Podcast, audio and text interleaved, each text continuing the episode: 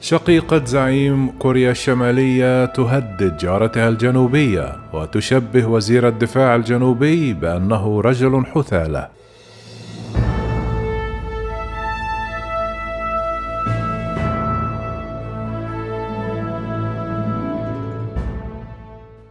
تتصاعد التصريحات المتبادلة بين قيادات في الكوريتين الجنوبية والشمالية على وقع التوترات المتصاعدة إزاء سلسلة تجارب الأسلحة التي أطلقتها بيونغ يانغ مؤخرا بحسب ما أفادت شبكة إن بي سي نيوز. ووصفت شقيقة زعيم كوريا الشمالية الأحد وزير الدفاع الكوري الجنوبي بأنه رجل يشبه الحثالة بعد تحدثه عن ضربات استباقية على الشمال محذرة من أن الجنوب قد يواجه تهديدا خطيرا. وجاء بيان كيم يونغ جونغ وسط توترات متصاعدة بين الكوريتين المتنافستين بشأن سلسلة تجارب الأسلحة في كوريا الشمالية خلال الأشهر القليلة الماضية بما في ذلك أول صاروخ باليستي عبر القارات منذ أكثر من أربع سنوات. كان اختبار الصواريخ البالستية العابرة للقارات الذي تم في الرابع والعشرون من مارس الماضي ويعد الأول منذ أربع سنوات في مجال تجارب الأسلحة الكبرى بمثابة إحراج لرئيس كوريا الجنوبية مونغ جاي إنغ الذي دفع بقوة لتحقيق مصالحة أكبر بين الدولتين وإيجاد حل سلمي لأزمة الصواريخ النووية لكوريا الشمالية.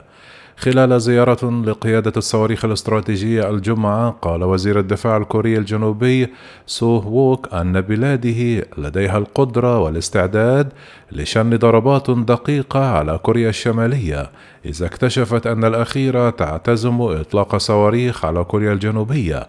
ولطالما حافظت سيول على مثل هذه الاستراتيجية الهجومية الوقائية للتعامل مع التهديدات الصاروخية والنووية المتزايدة لكوريا الشمالية، لكن كان من غير المعتاد أن يتحدث عنها مسؤول كبير تحت إدارة مون بشكل علني.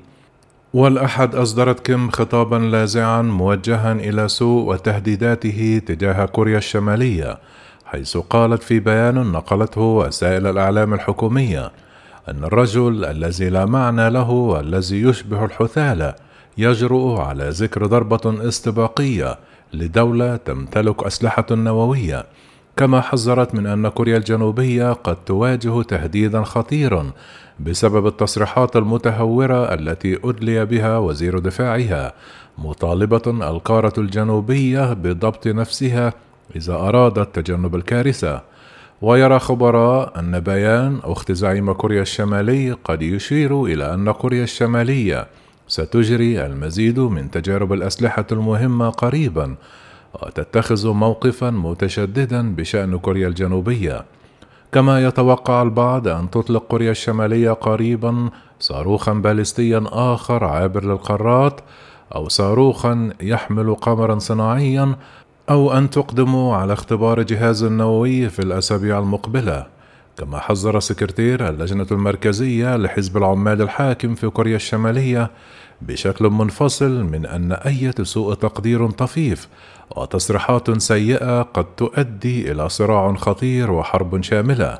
وقال باك إن كوريا الشمالية ستوجه قوة عسكرية بلا رحمة لتدمير أهداف رئيسية في سيول والجيش الكوري الجنوبي إذا هاجمت بلادنا بشكل استباقي.